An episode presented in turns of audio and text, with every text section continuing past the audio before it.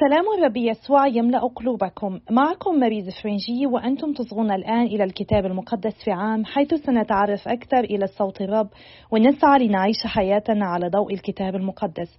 نحن مستمرون في قراءتنا من سفر التكوين إلى سفر الرؤيا. نحاول أن نكتشف قصة الخلاص وأين نحن منها. ولقد وصلنا إلى اليوم المئة والثاني والثمانون.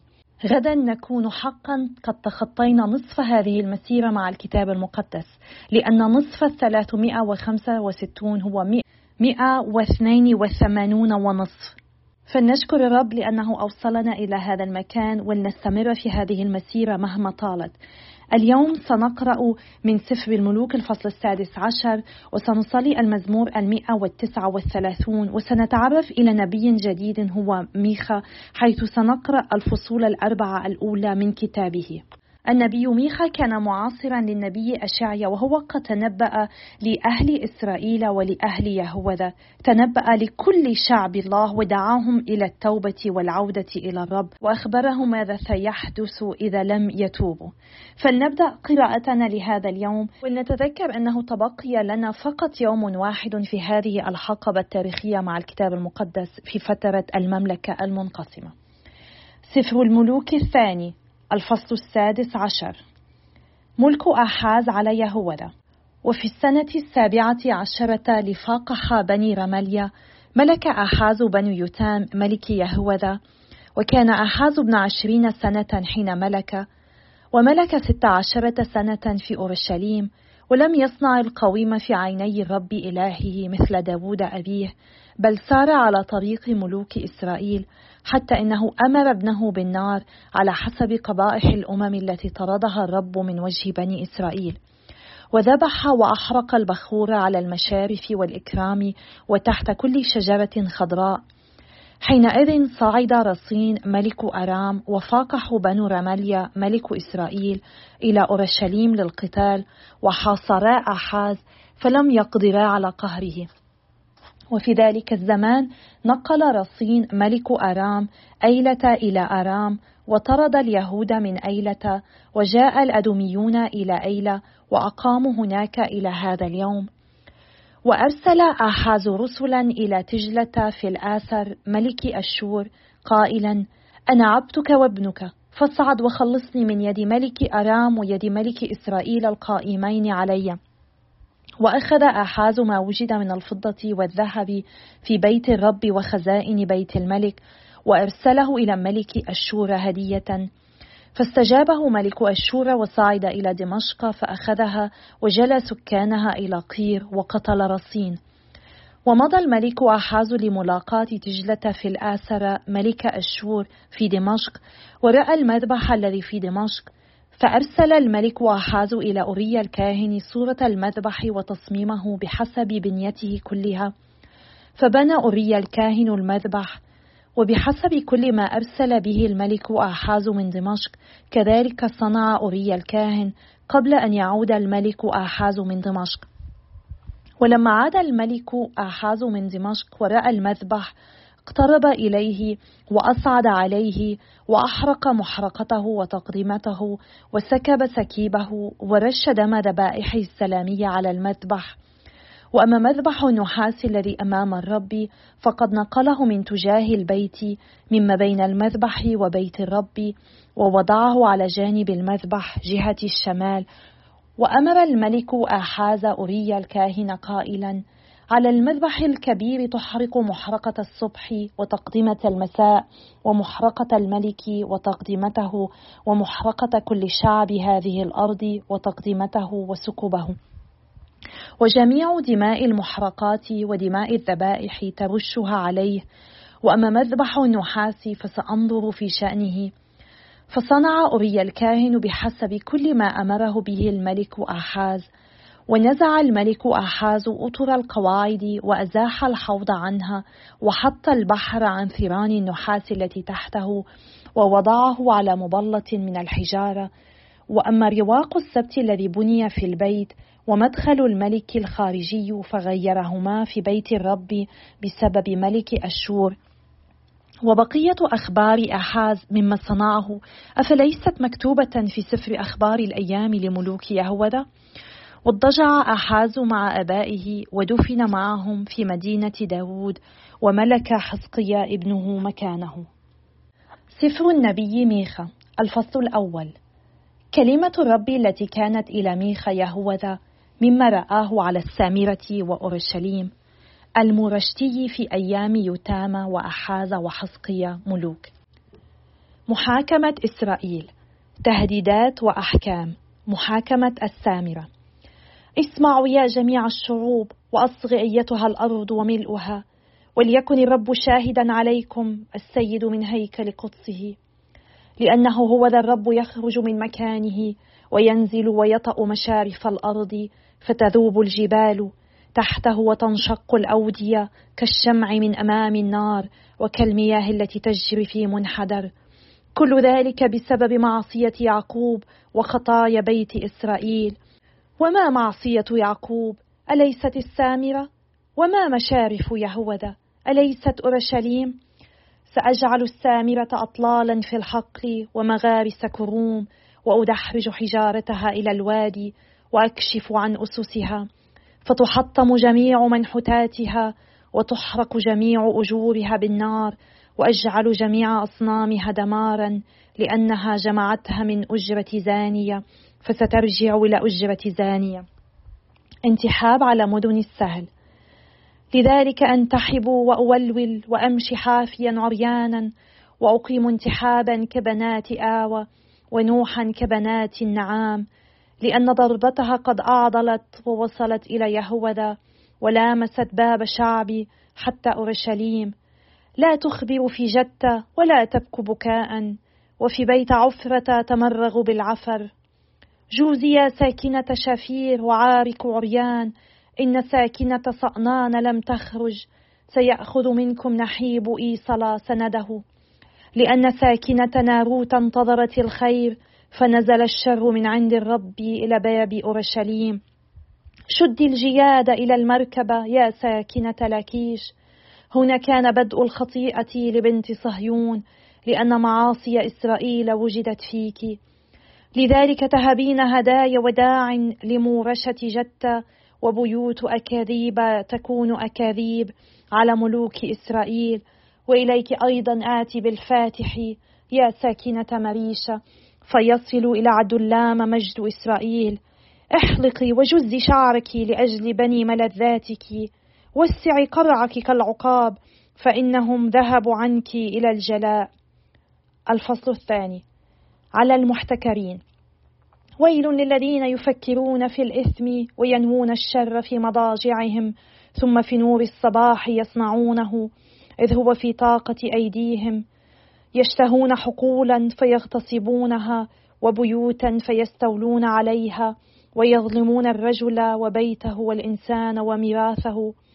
لذلك هكذا قال الرب ها أنا ذا مفكر على هذه العشيرة بالشر لا تحولون عنه أعناقكم ولا تمشون متشامخين لأنه زمان شر.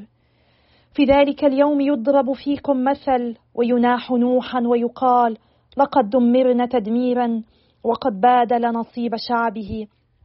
فكيف يتحرك في اتجاهي لكي يعيد حقولنا التي يقسمها؟ لذلك لا يكون لك من يلقي الحبل في قرعة في جماعة الرب. نذير الشؤم لا تتنبأ إنهم يتنبؤون. لا يتنبأ هكذا فإن العار لا يصيبنا. أصحيح ما يقال في بيت يعقوب هل قصر روح الرب؟ أهذه أعماله؟ أليست أقوالي صالحة مع السالك بالاستقامة؟ لكن الشعب قام بالأمس كعدو من فوق الثوب تخلعون رداء العابرين بأمان الراجعين من القتال وتطردون نساء شعب من بيت ملذاتهن وتأخذون بهاء من أطفالهن للأبد. قوموا اذهبوا فإنها ليست أرض راحة بل بسبب نجاستها تدمر تدميرا هائلا. لو كان رجل يذهب مع الريح ويتكلم بالكذب إني أتنبأ لك عن الخمر والمسكر. لكان هو نبي هذا الشعب. مواعد تجديد. سأجمعك جميعا يا يعقوب وأضم بقية إسرائيل وأجعلهم معا كغنم الحظيرة مثل القطيع في وسط مرعاه فترتفع جلبة رجالهم. صعد فاتح الثغرة أمامهم فثغروا وجازوا الباب وخرجوا منه وملكهم يعبر أمامهم والرب في مقدمتهم. الفصل الثالث. على الرؤساء الذين يظلمون الشعب. وأقول اسمعوا يا رؤساء يعقوب وقواد بيت إسرائيل. أما ينبغي لكم أن تعرفوا الحق؟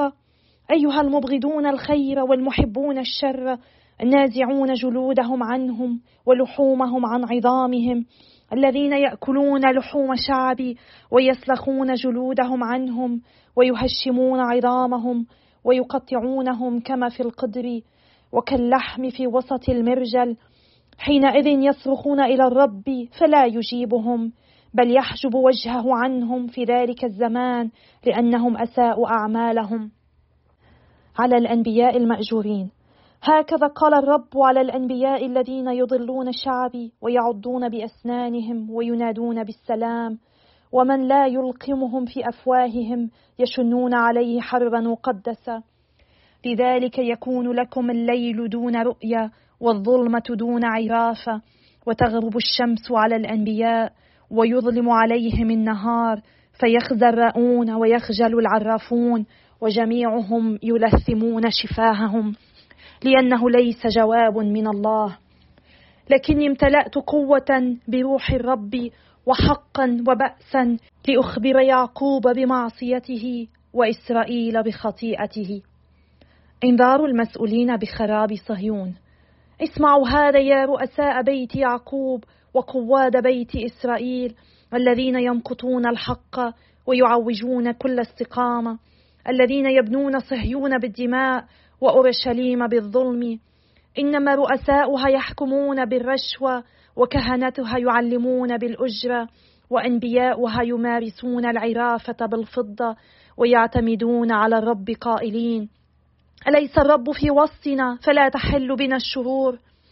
لذلك بسببكم ستحرث صهيون كحقل وتصير أورشليم اطلالا. وجبل البيت مشارف غاب. الفصل الرابع. مواعد لصهيون ملك الرب الآتي في صهيون ويكون في آخر الأيام أن جبل بيت الرب يوطد في رأس الجبال ويرتفع فوق التلال وتجري إليه الشعوب وينطلق أمم كثيرون ويقولون هلم نصعد إلى جبل الرب وبيت إله يعقوب؟ وهو يعلمنا طرقه فنسير في سبله لأنها من صهيون تخرج الشريعة ومن أورشليم كلمة الرب. ويحكم بين الشعوب الكثيرين ويقتل الامم الأقوياء حتى في البعيد فيضربون سيوفهم سككا ورماحهم مناجل فلا ترفع أمة على أمة سيفا ولا يتعلمون الحرب من بعد. ويقيم كل واحد تحت كرمته وتحت تينته ولا أحد يقلقه لأن فم رب القوات قد تكلم. فإن جميع الشعوب يسيرون كل واحد باسم إلهه. أما نحن فنسير باسم الرب إلهنا دائما أبدا. تجمع القطيط المشتت في صهيون. في ذلك اليوم يقول الرب أجمع العرجاء وأضم الضالة والتي أسأت معاملتها وأجعل من العرجاء بقية ومن المقصاة أمة قوية فيملك الرب عليهم في جبل صهيون من الآن وللأبد. وأنت يا برج القطيع يا عوفل بنت صهيون إليك يأتي ويعود السلطان الأول ملك بنت أورشليم. حصار صهيون وجلاؤها وتحريرها. فلماذا تصرخين الآن صراخا؟ أليس فيك ملك؟ أهلك مشيرك حتى أخذك المخاض كالتي تلد؟ تمخضي وادفعي يا بنت صهيون كالتي تلد فإنك الآن تخرجين من المدينة وتسكنين في الحقول وتسيرين إلى بابل. هناك تنقضين وهناك يفتديك الرب من أيدي أعدائك. انسحاق الأمم على البيدر.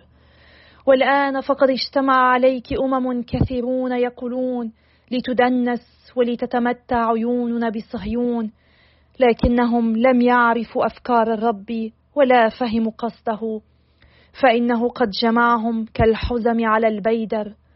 قومي فدوسي يا بنت صهيون فإني أجعل قرنك حديدا وأظلافك نحاسا فتسحقين شعوبا كثيرين وتحرمين للرب مكاسبهم ولسيد الأرض كلها ثروتهم. شدائد وأمجاد سلالة داود. خدش الآن نفسك يا بنت العصابة. لقد ألقى علينا الحصار فهم يضربون بالقضيب على خد قاضي إسرائيل. المزمور المئة والتسعة والثلاثون لإمام الغناء لداود مزمور. يا ربي قد سبرتني فعرفتني. عرفت جلوسي وقيامي فطنت من بعيد لأفكاري قدرت حركاتي وسكناتي وألفت جميع طرقي. قبل أن يكون الكلام على لساني أنت يا رب عرفته كله. من وراء ومن قدام طوقتني وجعلت علي يدك. علم عجيب فوق طاقتي أرفع من أن أدركه. أين أذهب من روحك؟ وأين أهرب من وجهك؟ إن صعدت إلى السماء فأنت هناك وإن اضطجعت في مثوى الأموات فأنت حاضر. إن اتخذت أجنحة الفجر وسكنت أقاصي البحر فهناك أيضا يدك تهديني ويمينك تمسكني.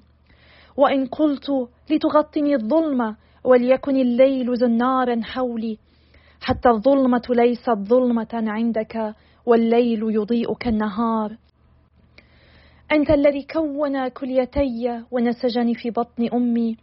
أحمدك لأنك أعجزت فأدهشت. عجيبة أعمالك. نفسي أنت تعرفها حق المعرفة. لم تخف عظامي عليك. حين صنعت في الخفاء وطرست في أسافل الأرض. رأتني عيناك جنينا وفي سفرك كتبت جميع الأيام وصورت قبل أن توجد. اللهم ما أصعب أفكارك علي وما أكثر مجموعها. أعدها فتزيد على الرمال وإذا استيقظت لا أزال معك. اللهم ليتك تقتل الشرير. أبعد عني يا رجال الدماء الذين بالمكر يذكرونك ويستخفون بأفكارك. ألم أبغض يا رب مبغضيك؟ ألم أمقت مقاوميك؟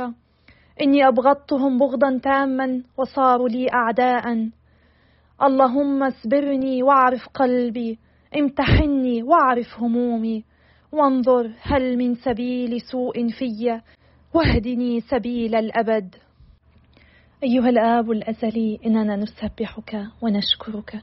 نشكرك يا رب لأنك كونتنا في اعماق كياننا أنت يا رب كونتنا في رحم أمنا. أنت عرفتنا يا رب. أنت تعرف جلوسنا وقيامنا. ولا نستطيع الهروب منك ابدا. ولماذا نريد أن نهرب منك يا رب؟ أنت الذي تحبنا حبا لا حدود له. أعطنا يا رب أن نجدك دائما أن نسعى وراءك لا أن نهرب منك. نطلب منك يا رب أن تساعدنا كي نتوقف ونعود إليك. فتجدنا ونعيش في ظل حبك الذي لا حدود له. واعطنا يا رب أن نعطي فرصة لنفسنا لكي تحبنا أنت يا رب. اعطنا أن نتقبل هذا الحب ونشارك الآخرين بحبك الذي لا حدود له. نشكرك على هذا الحب. نشكرك على كل شيء. باسم يسوع نصلي. آمين. بسم الآب والابن والروح القدس إله واحد. آمين. في سفر الملوك الثاني قرأنا من جديد عن آحاز الذي كان ملكا غير صالحا. للأسف هو اقتدى بملوك إسرائيل الذين عبد جميعهم الأوثان ولم يقتدي بأبيه وجده الصالحين حتى إنه أجاز بابنه في النار وفقا لأرجاس الأمم الذين طردهم الرب من أمام بني إسرائيل. وعندما ذهب أحاز إلى دمشق ليهنئ ملك أشور على انتصاراته على الأراميين أعجب بشكل المذبح الأشوري وأخذ شكله وأبعاده وأرسلها إلى أورية رئيس الكهنة ليعمل مذبحا على مثاله داخل بيت الرب مع أن الله هو الذي حدد لداود بالكتابة تفاصيل إقامة الهيكل وسلمها داود لسليمان فنفذها بالضبط إطاعة لكلام الله. ولكن أحاز هنا يستهين بالله وبهيكله إرضاء لملك أشور وفوق كل ذلك بعد أن نفذ أوريا الكاهن كل ما طلبه أحاز الذي أعجب به عند عودته من دمشق وقدم عليه هو بذاته الذبيحة ورش الدم ذبيحة السلام. وهكذا هو أظهر احتقارا شديدا لأوامر الله. استبدال مذبح المحرقة بمذبح الوثني هو أمر بالغ الخطورة لأنه بمثابة إقامة صنم وكأنه كان يسعى لإرضاء ملك أشور وليجعل ملك أشور يحل محل الله كقائد ليهوذا. علينا أن ننتبه أنه لا يمكن أن يحل محل الله في قيادة حياتنا أحد أو شيء مهما كان جذابا أو قويا. هو تحالف مع ملك أشور ضد ملك سوريا وملك إسرائيل. وسنقرأ في الأيام المقبلة أن النبي أشعيا قدم إليه وطلب منه أن يسأل الرب شيئا ولكنه رفض قال إنه لن يجرب الرب وجوابه يوحي كأنه إنسان متواضع يتقي الرب ولكن الحقيقة كانت أن أحاز كان لديه خطة وهو لم يكن يريد أن يعتمد على الرب لم يكن يريد أن يتكل عليه بل يريد أن يتكل على ملك أشور. ونحن ندرك في النهاية أن أشور دمرت إسرائيل وقادت الشعب إلى السبي وبعد دمار إسرائيل أيضا تم تدمير يهوذا. وفي زمن أشعيا خدم ميخا الله كنبي ومثل غيره من الأنبياء أعلن الدينونة والرجاء. أعلن دينونة الله إذا فضل الناس أن يبقوا بعيدين عن الرب. وهو أعطاهم رجاء إذا قرروا أن يتوبوا ويعودوا إلى الرب. هو كان يذكرهم بأهمية الإصغاء له والعودة إلى الرب لأنه كان يدرك أن أشور ستأتي وستدمر كل شيء وسيسبى الشعب كله إلى بابل. وتكلم ميخا أيضا عن فساد الإيمان. الله أدان الأنبياء الكذب والقادة غير الأمناء والكهنة الأنانيين في إسرائيل ويهوذا الذين كانوا يمارسون الطقوس الدينية أمام الناس ولكنهم كانوا يعملون في الخفاء للحصول على المال والنفوذ. إن فساد الإيمان هو أن يمزج الإنسان بين الدوافع الأنانية وبين التظاهر بالدين. وعلينا أن نتعلم من ذلك ألا نخلط بين رغباتنا الأنانية والإيمان الحقيقي بالله.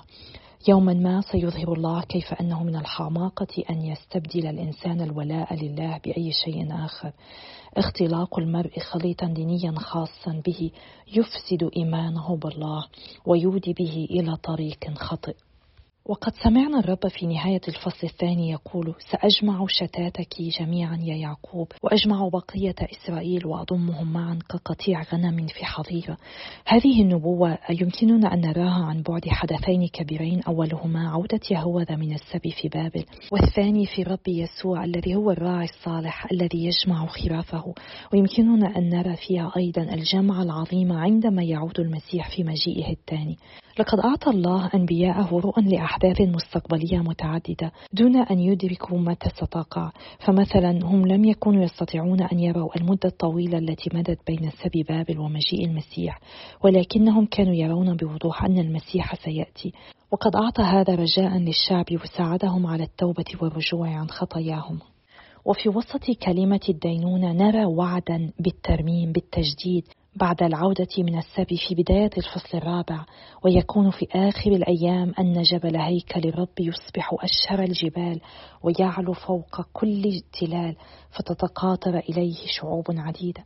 إن عبارة في آخر الأيام تصف الأيام التي يملك فيها الله في مملكته الكاملة.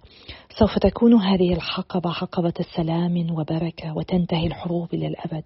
نحن لا نستطيع أن نحدد بدقة ذلك الوقت ولكن الله وعد بأن ذلك الوقت سوف يجيء. وستأتي الأمم وتقول تعالوا لنصعد إلى جبل الرب إلى هيكل يعقوب ليعلمنا طرقه فنسلك في سبله. هذا الوعد سيتحقق من خلال الرب يسوع. في العهد الجديد الرب سيقدم بركاته لشعب إسرائيل والعالم بأسره من خلال الكنيسة. إن الشعب اليهودي كان مختارا لسبب معين والله قد وعد إبراهيم بمملكة وأرض وبركة. ويؤكد ميخا هنا أن هذه البركة ستتم بعد السبي وأن الرب نفسه سيدين الأمم. وكما قال ميخا إن جميع الأمم تسلك باسم إلهها. أما نحن فنسلك باسم الرب إلهنا إلى أبد الآبدين لأننا نسلك وراء الرب يسوع. ونحن نجب أن نعلن هذا دائما. نحن ننتمي إلى الرب ونحن سنسلك بحسب الرب يسوع. بنعمته هو وبالطبع نحن بحاجة لأن نصلي من أجل بعضنا البعض وأن نجدد ثقتنا به هو الذي يستطيع أن يعيننا ويعطينا النعمة التي نحن بحاجة إليها. ربما نحن بحاجة لأن نكرر من كل قلوبنا يا يسوع إني أثق بك وأن نطلب منه النعمة كي نسلمه كل خططنا ونقدم له كل أحداث حياتنا مهما كانت صعبة حتى نستطيع حقا أن نسلك معه وباسمه وبنعمته. أنا أصلي لأجلكم وأتشكركم على صلواتكم وأنا بأمس الحاجة لصلواتكم وإلى اللقاء غدا يوم آخر إن شاء الله.